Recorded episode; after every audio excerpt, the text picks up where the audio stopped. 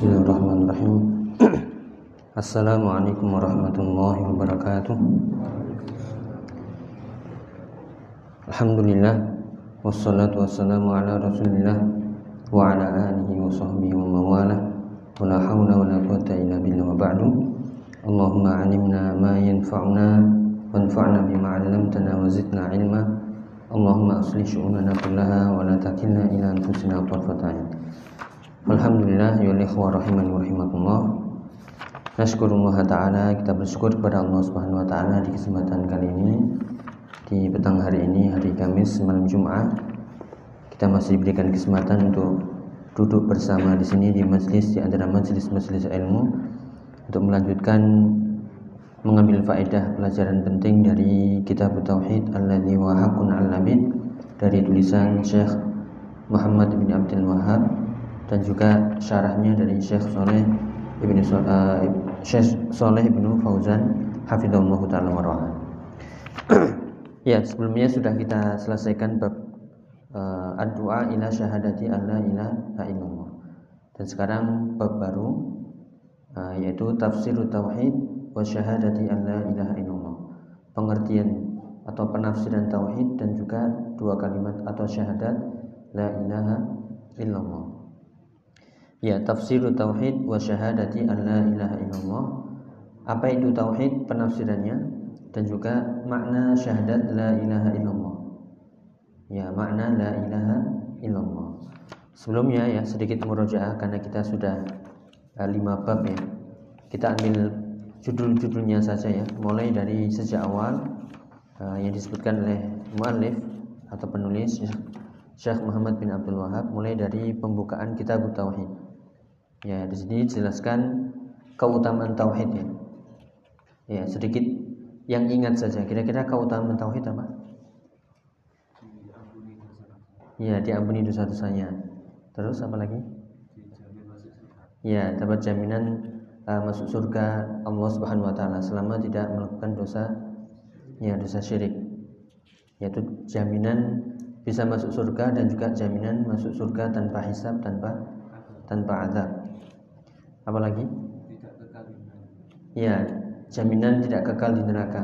Ini uh, golongan terakhir atau golongan ketiga dari golongan yang masuk surga.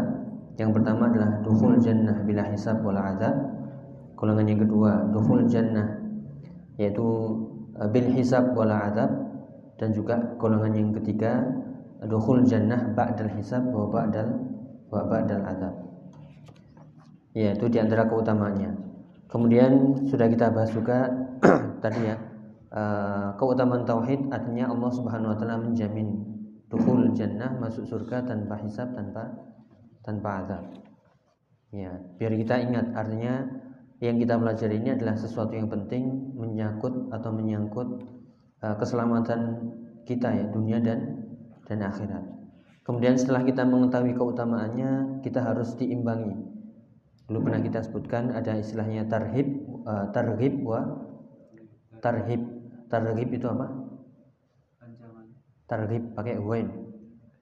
Raghaba yuraghibu. Apa? Ya, raghaba yuraghibu. Raghaba yuraghibu artinya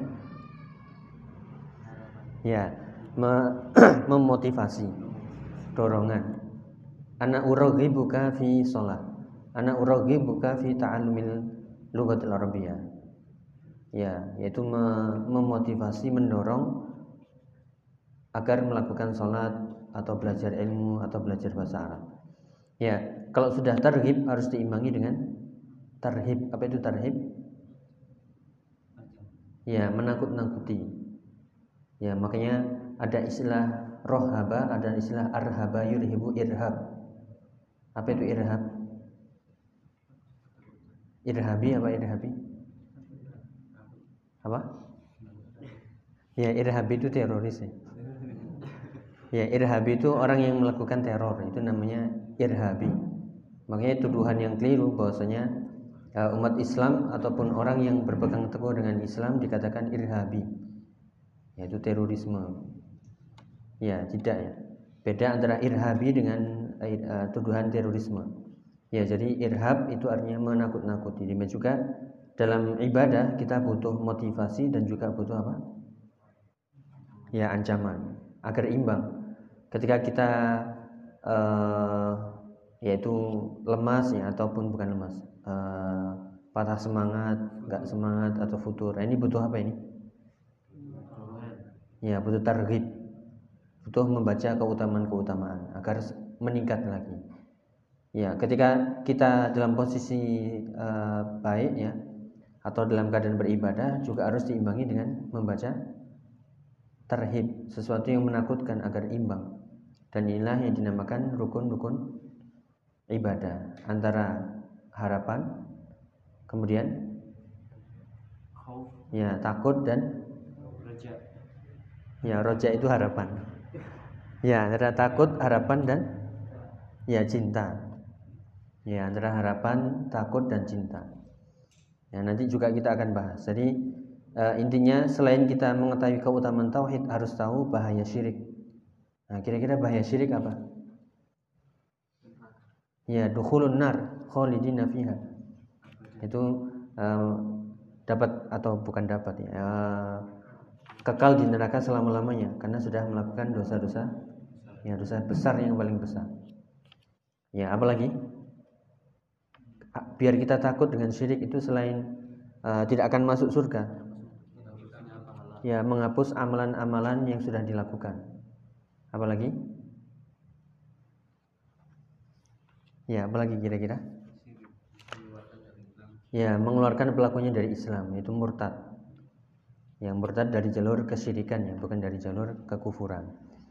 Ya uh, bahkan Nabi saja Nabi Ibrahim alaihissalam itu sangat takut yang akan kesyirikan yaitu bapaknya para nabi yaitu bapaknya ahlu tauhid nah, itu takut akan kesyirikan. Ya karena man mata wa huwa yad'u lillahi niddan dakhalan nar. Siapa yang meninggal dalam keadaan masih berbuat syirik maka ya kekal di neraka dakhalan nar. Dan dukhulun nar ini disifatkan dengan khalidina abada ya jadi kita sudah tahu ya keutamaan tauhid apa, kemudian setelah tahu keutamaannya harus tahu bahaya syirik biar imbang. Ya, kemudian setelah kita tahu keutamaannya, tahu uh, bahaya syirik, baru setelah mengetahui itu semuanya kita diminta untuk Huh? untuk ya dakwah kepada orang lain, ngajak-ngajak. Biar apa? Orang yang kita ajak merasakan nikmat nikmatnya tauhid ya sebagaimana kita merasakan ya nikmat tauhid. Ya kita selamat yaitu biiznillah ya dengan harapan semoga Allah menjadikan kita istiqomah di atas tauhid. Karena kita ingin mengetahui atau ingin merasakan yang nikmatnya tauhid. Dan kita mengetahui juga bahaya syirik sehingga kita meninggalkan. Ya baru setelah itu kita ajak ya orang-orang untuk belajar tauhid juga mengetahui keutamaan dan juga ya bahayanya syirik. Nah, baru setelah berdakwah, nah, dakwah kemarin harus mengetahui apa? Ya, ilmunya. Ya. mengetahui ilmunya dan mengetahui siapa yang kita dakwahkan. Dan inilah mulai ya pembahasan kita kali ini uh, mulai membahas apa itu tauhid dan apa itu syahadat la ilaha illallah. Ya, jadi biar kita paham kitab ini, uh, diajak pelan-pelan ya apa itu tauhid? Keutamaannya dulu. Ya kemudian bahayanya syirik kemudian perintah untuk mendakwahkannya. Ya baru setelah itu uh, sebelum berdakwah ingat dulu harus punya ilmunya. Ya, ini yang kita baca ya. Uh, saya bacakan dulu. Tafsir tauhid atau qala muallif rahimahullahu rahmatallahu rahmatan wasi'ah Babu tafsir tauhidi wa syahadati an la ilaha illallah. Ya, bab tentang tafsir tauhid. Apa itu tafsir? Ya, penjelasan. Penjelasan tentang tauhid. Apa itu tauhid? Ini sudah menjadi istilah. Dan juga penjelasan syahadati an la ilaha illallah. Penjelasan tentang syahadat la ilaha illallah. Ya, di situ ada kata waw ya atau huruf waw. Ini menunjukkan apa ini? Wow. Ya, dan ini dan apa namanya? atof itu maknanya apa? Sambung. Ha, selain sambung apa lagi? Bersama bersama. Iya apa kesetaraan? Ya makanya kita nggak boleh mengatakan masya Allahu wa wa wa syi'ta. Ya ini atas kehendak Allah dan kehendakmu nggak boleh kita mengatakan dan karena dan itu me, ya menyetarakan. Ya misalnya ja'a Muhammadun wa Ali. Ya Muhammad dan Ali datang. Kapan datangnya? Bersamaan tanpa ada jeda waktu. Ya jadi uh, tafsir tauhid wa syahadati alla ilaha illallah maksudnya di sini ada wawunya karena tauhid dan la ilaha illallah berarti ya sama artinya tauhid itu ya la ilaha illallah la ilaha illallah itulah tauhid. Ya jadi uh, tafsir tauhid wa syahadati alla ilaha illallah itu sama. Yang dulu pernah di sela-sela yang kita isyaratkan ada yang masih ingat? Uh, rukun la ilaha illallah. Ya apa kira-kira? Ya nafyun dan isbat harus uh, terpenuhi dua rukun ini nafyun meniadakan dan isbat menetapkan tauhid juga sama harus me- menafikan peribadatan kepada selain Allah dan menetapkan satu saja peribadatan kepada Allah Subhanahu wa taala. Ya, kenapa kita sebutkan rukun ya seperti itu karena uh, ibadah itu ya akan menjadi sempurna kalau rukunnya ter terpenuhi. Sebagaimana sholat. Kalau sholat rukunnya nggak terpenuhi, misalnya inti atau di antara uh, rukun yang paling penting di antara sholat adalah membaca al-fatihah. Ya, la sholata liman lam yaqra bi fatihatil kitab. Tidak ada sholat, tidak dianggap sholat bagi orang yang tidak membaca al-fatihah. Kalau seorang nggak membaca al-fatihah maka ya tidak sah sholatnya. Demikian juga tauhid la ilaha illallah. Ya dimulai dengan firman Allah Ta'ala Wa qawlillahi ta'ala Ula'ika alladhina yada'una yabtaghuna ila rabbihimul wasilata ayyuhum aqrabu ayyuhum aqrab wa yarjuna rahmatahu wa yakhafuna azabah Inna azaba rabbaka kana mahzura Ya dari surat Al-Isra ayat 57 Ya disebutkan Ula'ika alladhina yada'una yabtaghuna ila rabbihimul wasilah. Ya pernah membaca ayat ini? Ya, tanpa melihat terjemahannya atau tanpa ini, kira-kira membahas apa ini? mereka orang-orang yang mencari wasilah Orang-orang yang mencari wasilah. Maksudnya apa ini? eh, pendekatan kepada Allah tapi melalui wasilah Wasilahnya melalui apa ini? Ya, orang-orang soleh. Apalagi? Ya, kira-kira ini eh, kan tadi ya kita ingin belajar tafsir tauhid. Ya, tauhid kan tadi intinya ada dua. Ada apa? Ada nafyu dan isbat. Ada eh, meniadakan dan menetapkan. Kira-kira di ayat ini ada meniadakan dan menetapkan nggak ini? Ada makna meniadakan dan makna menetapkan? Ya, apa ini kok sulit banget ya? Ya kan kita belajar ya, biar nggak langsung menerima aja gitu. ya. Eh, sekali lagi makna tauhid harus ada nafyun dan isbat. Banyak sekali ayat-ayat bahkan la ilaha illallah itu sendiri sudah ada nafyun dan isbat. La ilaha nafyun illallah isbat. Ya inilah eh, ini ya. Makanya kemarin di ya pembahasan sebelumnya ya kita bisa baca Quran tapi nggak apa nggak tahu maknanya. Ya nggak bisa otomatis paham. Iya tuh ya? Iya nggak bisa langsung paham. Karena ini yang pertama bukan bahasa kita kemudian kita nggak memahami kosakatanya kemudian asing ini kemudian juga maknanya. Belum lagi pemahaman bahasa Arabnya. Ya belum lagi uh, lafat-lafat yang terkandung di situ ada kaidah-kaidahnya, ada yang didepankan, diakhirkan dan seterusnya. Coba ya kita tes ini. Uh, ulaika satu kata satu kata ya. Ulaika artinya mereka ya mereka itu alladzina ya yang yang menyeru atau alladzina itu masih yang ya, orang-orang yang. Mereka itulah orang-orang yang yada'una. Ya, yang menyeru, meminta. Nah, kita kan sudah belajar bahasa Arab ya. Yada'una itu ada failnya. Failnya apa? Ya, hum. Hum kembali ke mereka. Ya mereka. Nah, ini kalau kita nggak membaca tafsiran sebelumnya ya, uh, seolah mengartikannya mereka itulah orang-orang yang menyeru ya kemudian ya betahuna ila rabbihim. Nah di situ ada kata yang dihapusnya. Mereka itulah orang-orang yang menyeru hum. Hum itu disembunyikan. Nah kan kita sudah belajar ya ada fi'il fa'il dan objek ya dauna itu sebenarnya ada objeknya. Objeknya itu hum. Nah, tapi di disembunyikan di situ ya. Nah, bisa bisa kita lihat di ayat sebelumnya mungkin ya. Kayak ayat sebelumnya apa? Ada yang membaca? Ayat 56 Ulidul ladzina za'amtum Hmm. Nah, itu.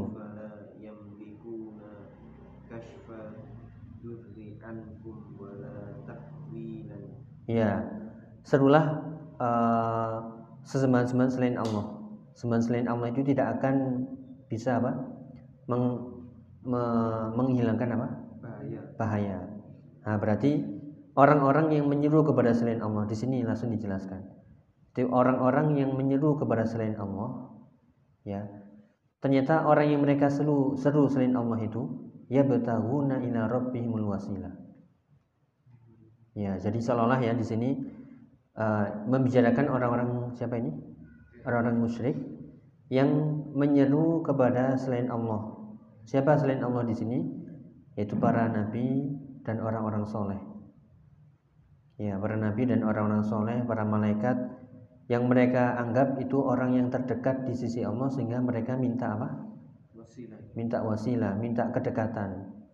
Nah, makanya dalam pembahasan kasfus subhat, eh, kasfus subhat ya, eh, orang-orang yang berbuat syirik dengan meminta atau berdoa kepada orang-orang soleh yang sudah mati atau kepada para nabi dan para malaikat, mereka nggak mau disebut syirik. Ya alasannya apa? Syirik itu hanya sekedar sujud kepada selain Allah. Ya minta kepada selain Allah. Saya kan nggak minta, tapi saya minta wasilah. Ya, benar atau salah hujah mereka? Benar? Ya, ya salah karena uh, Allah tidak butuh wasilah. Wa idza sa'alta fas'al fas'alillah. Jika engkau minta langsung minta kepada Allah. Wa idza sta'anta fasta'in billah. Inilah yang diajarkan uh, Rasulullah kepada siapa? Ya, kepada Ibnu Abbas ya, yang masih hulam waktu itu. Yang masih kecil ya, diajarkan tauhid sejak kecil. Jika engkau minta, minta langsung kepada Allah. Jika engkau minta pertolongan, minta tolonglah kepada Allah. Jadi tidak ada wasilah. Ya, kalau kita menganggap wasilah berarti kita menyamakan Allah dengan makhluk, dengan raja ya. Karena ketemu raja itu gak bisa langsung. Harus ketemu orang dekat ya orang dekatnya dulu. Nah, ini dianggap orang dekat itu ya malaikat, ya para nabi para nabi, orang-orang soleh, sehingga mereka menganggap uh, dengan menyeru mereka itu mereka nanti akan menyampaikan ya hajat-hajatnya. Nah, kemudian dibantah dengan ayat ini. Mereka itu orang-orang yang menyeru orang yang terdekat di sisi Allah menurut anggapan mereka. Ya, mereka itu seperti para nabi, orang-orang soleh itu mereka juga sedang sibuk. Ya, sedang sibuk apa? Yaitu ya betaguna ila rabbihim. Mereka juga sedang meminta wasilah, tapi wasilah mereka bukan wasilah uh, makhluk, tapi wasilah yang benar itu adalah wasilah dengan nama-nama ya dengan amal soleh. Ya, jadi eh, mereka ini orang-orang musyrik yang menyeru ya kepada para nabi, orang-orang soleh, para malaikat. Ya, itu kita anggap mereka adalah sesembahan selain Allah menurut versi kita ya. Padahal mereka itu adalah ya orang-orang yang mulia, memang orang yang dekat dengan Allah. Tapi kedekatan itu bukan langsung merubah posisi mereka, kedudukan mereka sebagai ya perantara yang uh, boleh dimintai perantara untuk meminta kepada Allah. Nah ini jawabannya adalah orang-orang soleh itu ya baik dari kalangan para nabi, uh, orang-orang soleh atau malaikat sendiri mereka sedang ya betahuna ila rabbihim al wasilah mereka juga sedang mengharapkan wasilah ayyuhum akrob siapakah di antara dari kalangan orang-orang soleh tadi para nabi dan para malaikat yang wasilahnya itu lebih dekat dan mereka juga sedang mengharapkan rahmat Allah dan juga mereka juga takut dengan azab Allah. Ya, ini uh, intinya di sini apa ini kira-kira? Ya, misalnya ya uh, kita ambil perumpamaan saja. ya, misalnya kita minta pada seseorang, ya, tapi orang tersebut sedang sibuk. Ya, misalnya dia uh, hutang ya mau hutang. Uh, hutang uangnya satu juta gitu ya. ya kemudian yang dihutangi ini juga sedang mau hutang. Juga sedang cari uang uh, belum dapat rezeki juga mau cari utangan juga. Apa mungkin orang yang belum apa nggak punya uang ini menghutangi orang yang menghutang ya itu ibaratnya seperti itu bagaimana saya mau memberi sedangkan saya nggak punya sedangkan saya sudah juga sedang berusaha cari rezeki Ya, demikian juga ini orang-orang soleh yang mereka seru, ya para nabi, mereka juga sedang beribadah kepada Allah, minta. Mereka nggak punya apa-apa, mereka sedang mengharapkan rahmat Allah, takut dengan azabnya. Mereka juga sedang mencari wasilah, tapi wasilah mereka adalah dengan amal amal soleh. Artinya seseorang yang sibuk nggak mungkin disibukkan lagi. Ya kita kan sedang sibuk ini, kemudian ada orang minta bantuan, ya tentu nggak bisa memenuhi karena ya kita sedang sibuk sedang mengharapkan sesuatu kemudian mau memberi orang lain nggak mungkin. Ya jadi bantahannya adalah eh, orang-orang uh, yang mereka seru ya dengan menjadikan wasilah. Wasilah mereka itu sedang mencari wasilah tapi wasilahnya amal soleh yang yang benar. Ya itu maksudnya uh, makanya dikatakan ula ikan ladina yada'unahum ya mereka orang-orang yang Eh, mereka itulah orang-orang yang sedang menyeru para nabi, para malaikat, orang soleh. Sedangkan mereka itu sedang ya mencari wasilah kedekatan dengan Rob mereka. Siapakah di antara mereka yang paling dekat dan mereka sedang mencari rahmat Allah dan juga sedang takut dengan azabnya. Bagaimana mungkin orang yang sedang mencari itu kemudian memberi? Ya, itu ya gambarannya. Inna azab rabbika inna azab rabbika kana mahdhura. Sesungguhnya azab Rabbmu itu adalah azab yang sangat ya pedih harus ditakuti. Paham ini ya pemahamannya? Uh, itu tadi.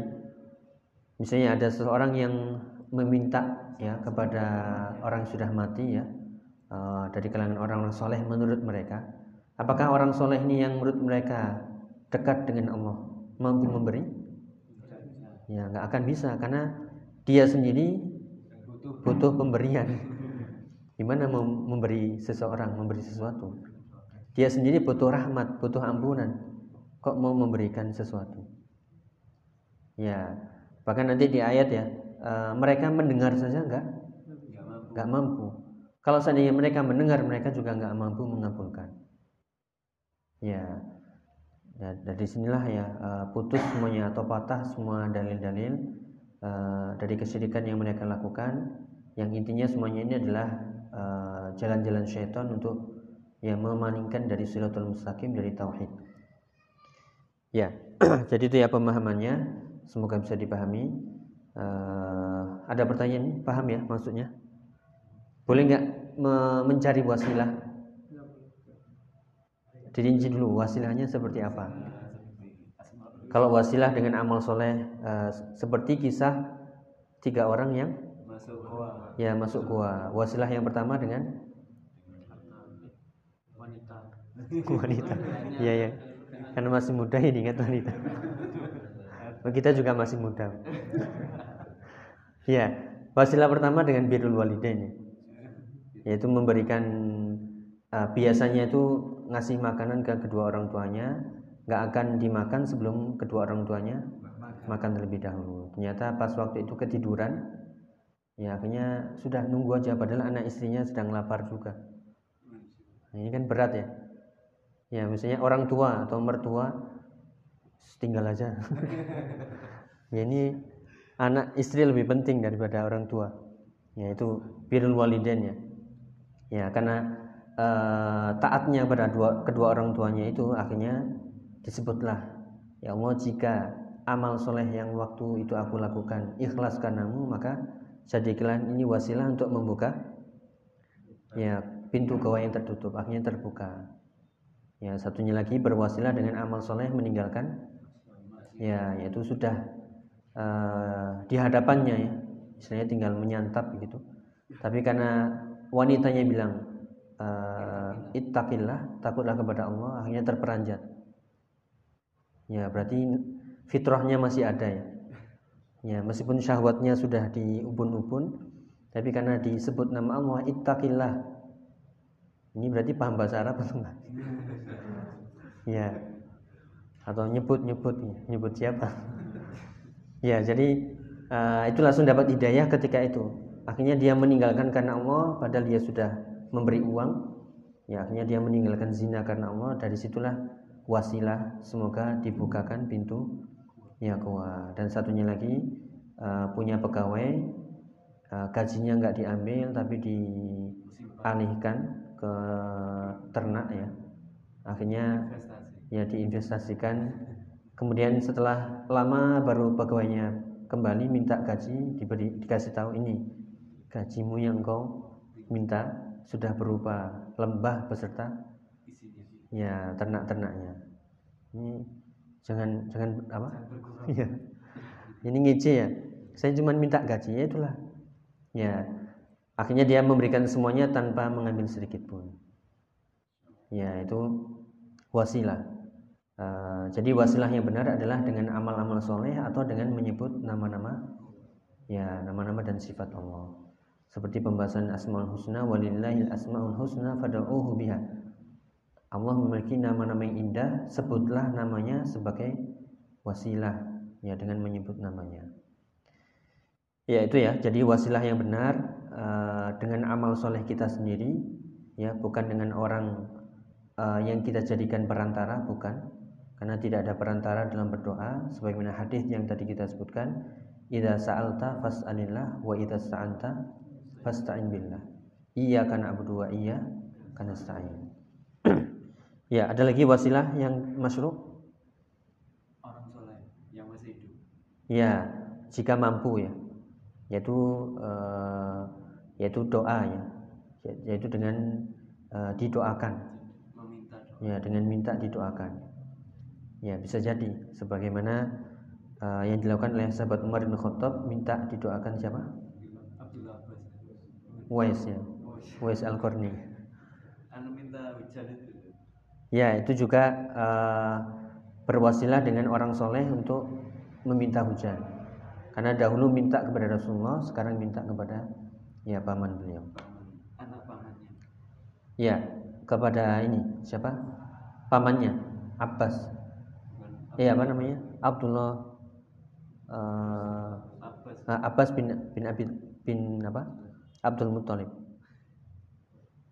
Ya kalau Abdul Abdullah bin Abbas uh, sepupunya ya. Ya itu ya. Jadi ini pembahasan wasilah. Ada wasilah yang haram, yang muharramah. Ada wasilah yang masyru' yang disyariatkan. Ada yang ditanyakan dari makna ayat ini ya. Nah berarti inti dari tauhid kan tadi sudah kita sebutkan meninggalkan atau menetapkan dan menafikan. Mana yang menunjukkan menetapkan atau menafikan dari ayat ini?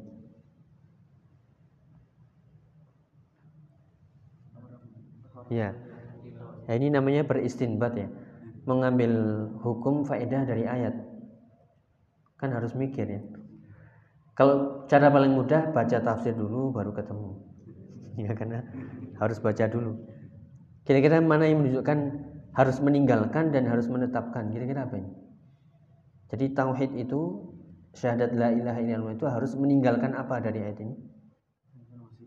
Ya, meninggalkan wasilah yang ya yang muharramah.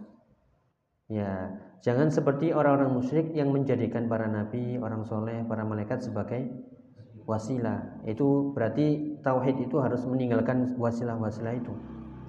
dan tetapkanlah wasilah yang benar yaitu dengan amal-amal soleh sebagaimana para nabi dan orang soleh mereka juga mengambil wasilah tapi dengan jalan ibadah.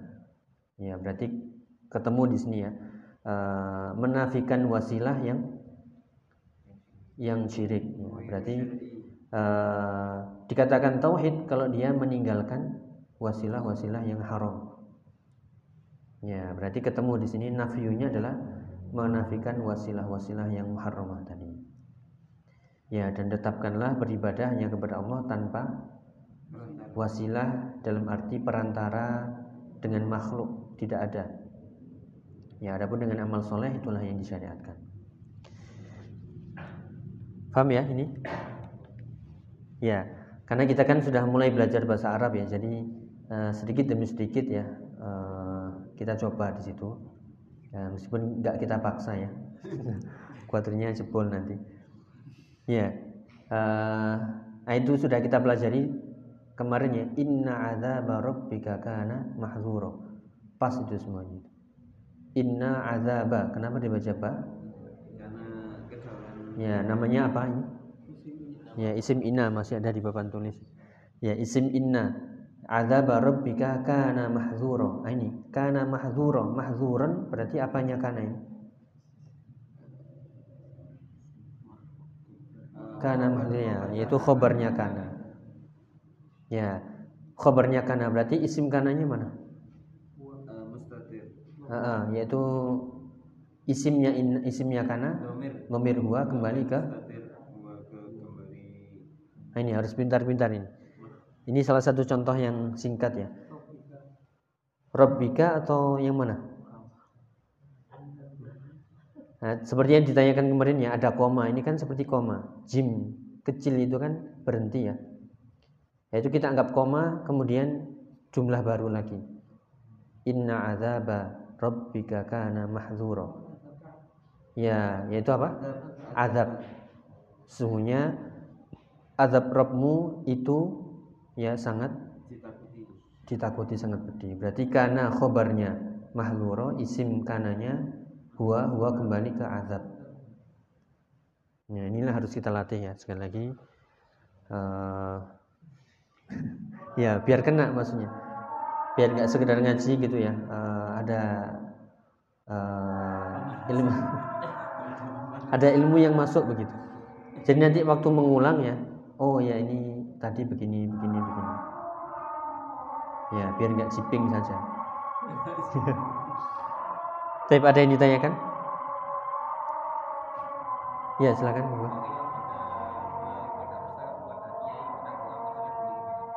ya uh, itu ada pembahasan ya kalau yang penting tidak menafikan tawakal kita kepada Allah.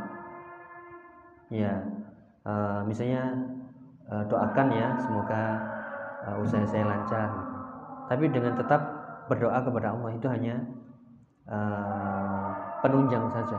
Jangan sampai kita berharap yaitu dengan doa orang soleh kiai tadi tapi kita nggak nggak berdoa. Atau belum tentu orang apa yang kita minta untuk didoakan tadi uh, mereka atau beliau ya berdoa dengan ikhlas tulus atau sekedar ya saya doakan Kan lebih baik kita minta langsung dengan penuh harap, sangat butuh, nah itu yang doa yang terkabulkan. Yaitu artinya hukumnya boleh ya. Oh doa Allah hali misalnya. Doakan aku ya biar sukses. Oh ya, saya doakan. Kita kalau diminta itu kan sekedarnya saja. Oh ya, insya Allah saya doakan. ya itu. Uh, makanya uh, jangan sampai uh, menafikan tawakal sepenuhnya kepada Allah dengan tetap berdoa. Karena tadi ayatnya hadisnya ya, "Idza sa'alta fas'alillah." Ya, meskipun boleh minta sebagaimana salah satu riwayat yang menceritakan tentang uh, sahabat yang uh, diminta oleh Rasulullah yaitu minta ya uh, mintalah apa saja saat ini ya uh, kepadaku makanya uh, secara maknanya ya. Sahabat tersebut minta apa? Yaitu masukkan aku ke dalam surga dengan doamu. Ya apa? Ada, ada permintaan yang lain? Nggak ada. Iya. Uh, bukan bukan yang itu. Satunya lagi. Yaitu akhirnya ya sudah. Akan aku doakan tapi bantulah dengan memperbanyak sujud. Ya berarti boleh. Tolong doakan ya tapi ya ibadah juga. Ya uh, minta doakan kepada ustadz kepada syekh ya kepada kiai tapi jangan lupa bantu agar doa ini terkabulkan dengan ibadahmu sendiri ya dengan sholat ya dengan doa sendiri juga ya, jadi itu tidak memutus tawakal dan ibadah kita kepada Allah Subhanahu wa taala. Ya, yang penting mintanya harus uh, ketemu ya. Ketemu langsung atau lewat telepon ya atau surat. Ya, jangan pakai batin. Ya, ini ini syirik. Kalau pakai batin ya, uh, batin kemudian nyebut namanya Syekh ya, Kiai fulan ya. Nah, itu syirik sudah. Ya, bedanya di situ ya boleh minta pada orang yang masih hidup dengan syarat hadir dan mampu ya tapi itu keyakinannya harus gimana maksudnya kayak ketika orang pergi haji gitu ya. Ya kan keyakinan kita kan gitu ya bisa jadi kan kan ada keutamaan tempat di sana uh, keutamaan tempat doakan semoga ikut ketularan gitu Ya, tapi itu tadi boleh-boleh saja tapi jangan sampai memutus tawakal kita kepada Allah. Dengan tetap usaha ya nabung, ya mempersiapkan haji ya. Nah, ini jadi tetap dengan berusaha. Ya sebagaimana ini apa? Ujian ya. Uh, tolong doakan saya lulus ujian. tapi nggak nggak belajar, nggak nggak membaca, mungkin lulus ujian? Ya nggak akan mungkin jadi harus uh, walaisa lil insani illa. Itu kaidahnya di surat An-Najm ya. Seorang tidak akan memperoleh kecuali apa yang dia usahakan. Itu hanya penunjang saja. Penunjang semoga ya. Semoga uh, karena itu ada contohnya. Tip ada lagi mungkin? Oke, sampun. Tapi ya, itu mungkin yang bisa kita bahas uh, berikutnya. Uh, kita lanjutkan minggu depan, insya Allah. Karena agak panjang di sini tentang uh, makna dari ayat ini secara detailnya dan juga uh, kaitannya dengan kitab tauhid dan apa faedah yang bisa kita ambil dari ayat di surat Al-Isra ayat 57. Taib semoga bermanfaat. Wallahu taala misawab. Kita akhiri subhanakallahumma bihamdika asyhadu an la ilaha illa anta astaghfiruka wa atubu. Wassalamualaikum warahmatullahi wabarakatuh.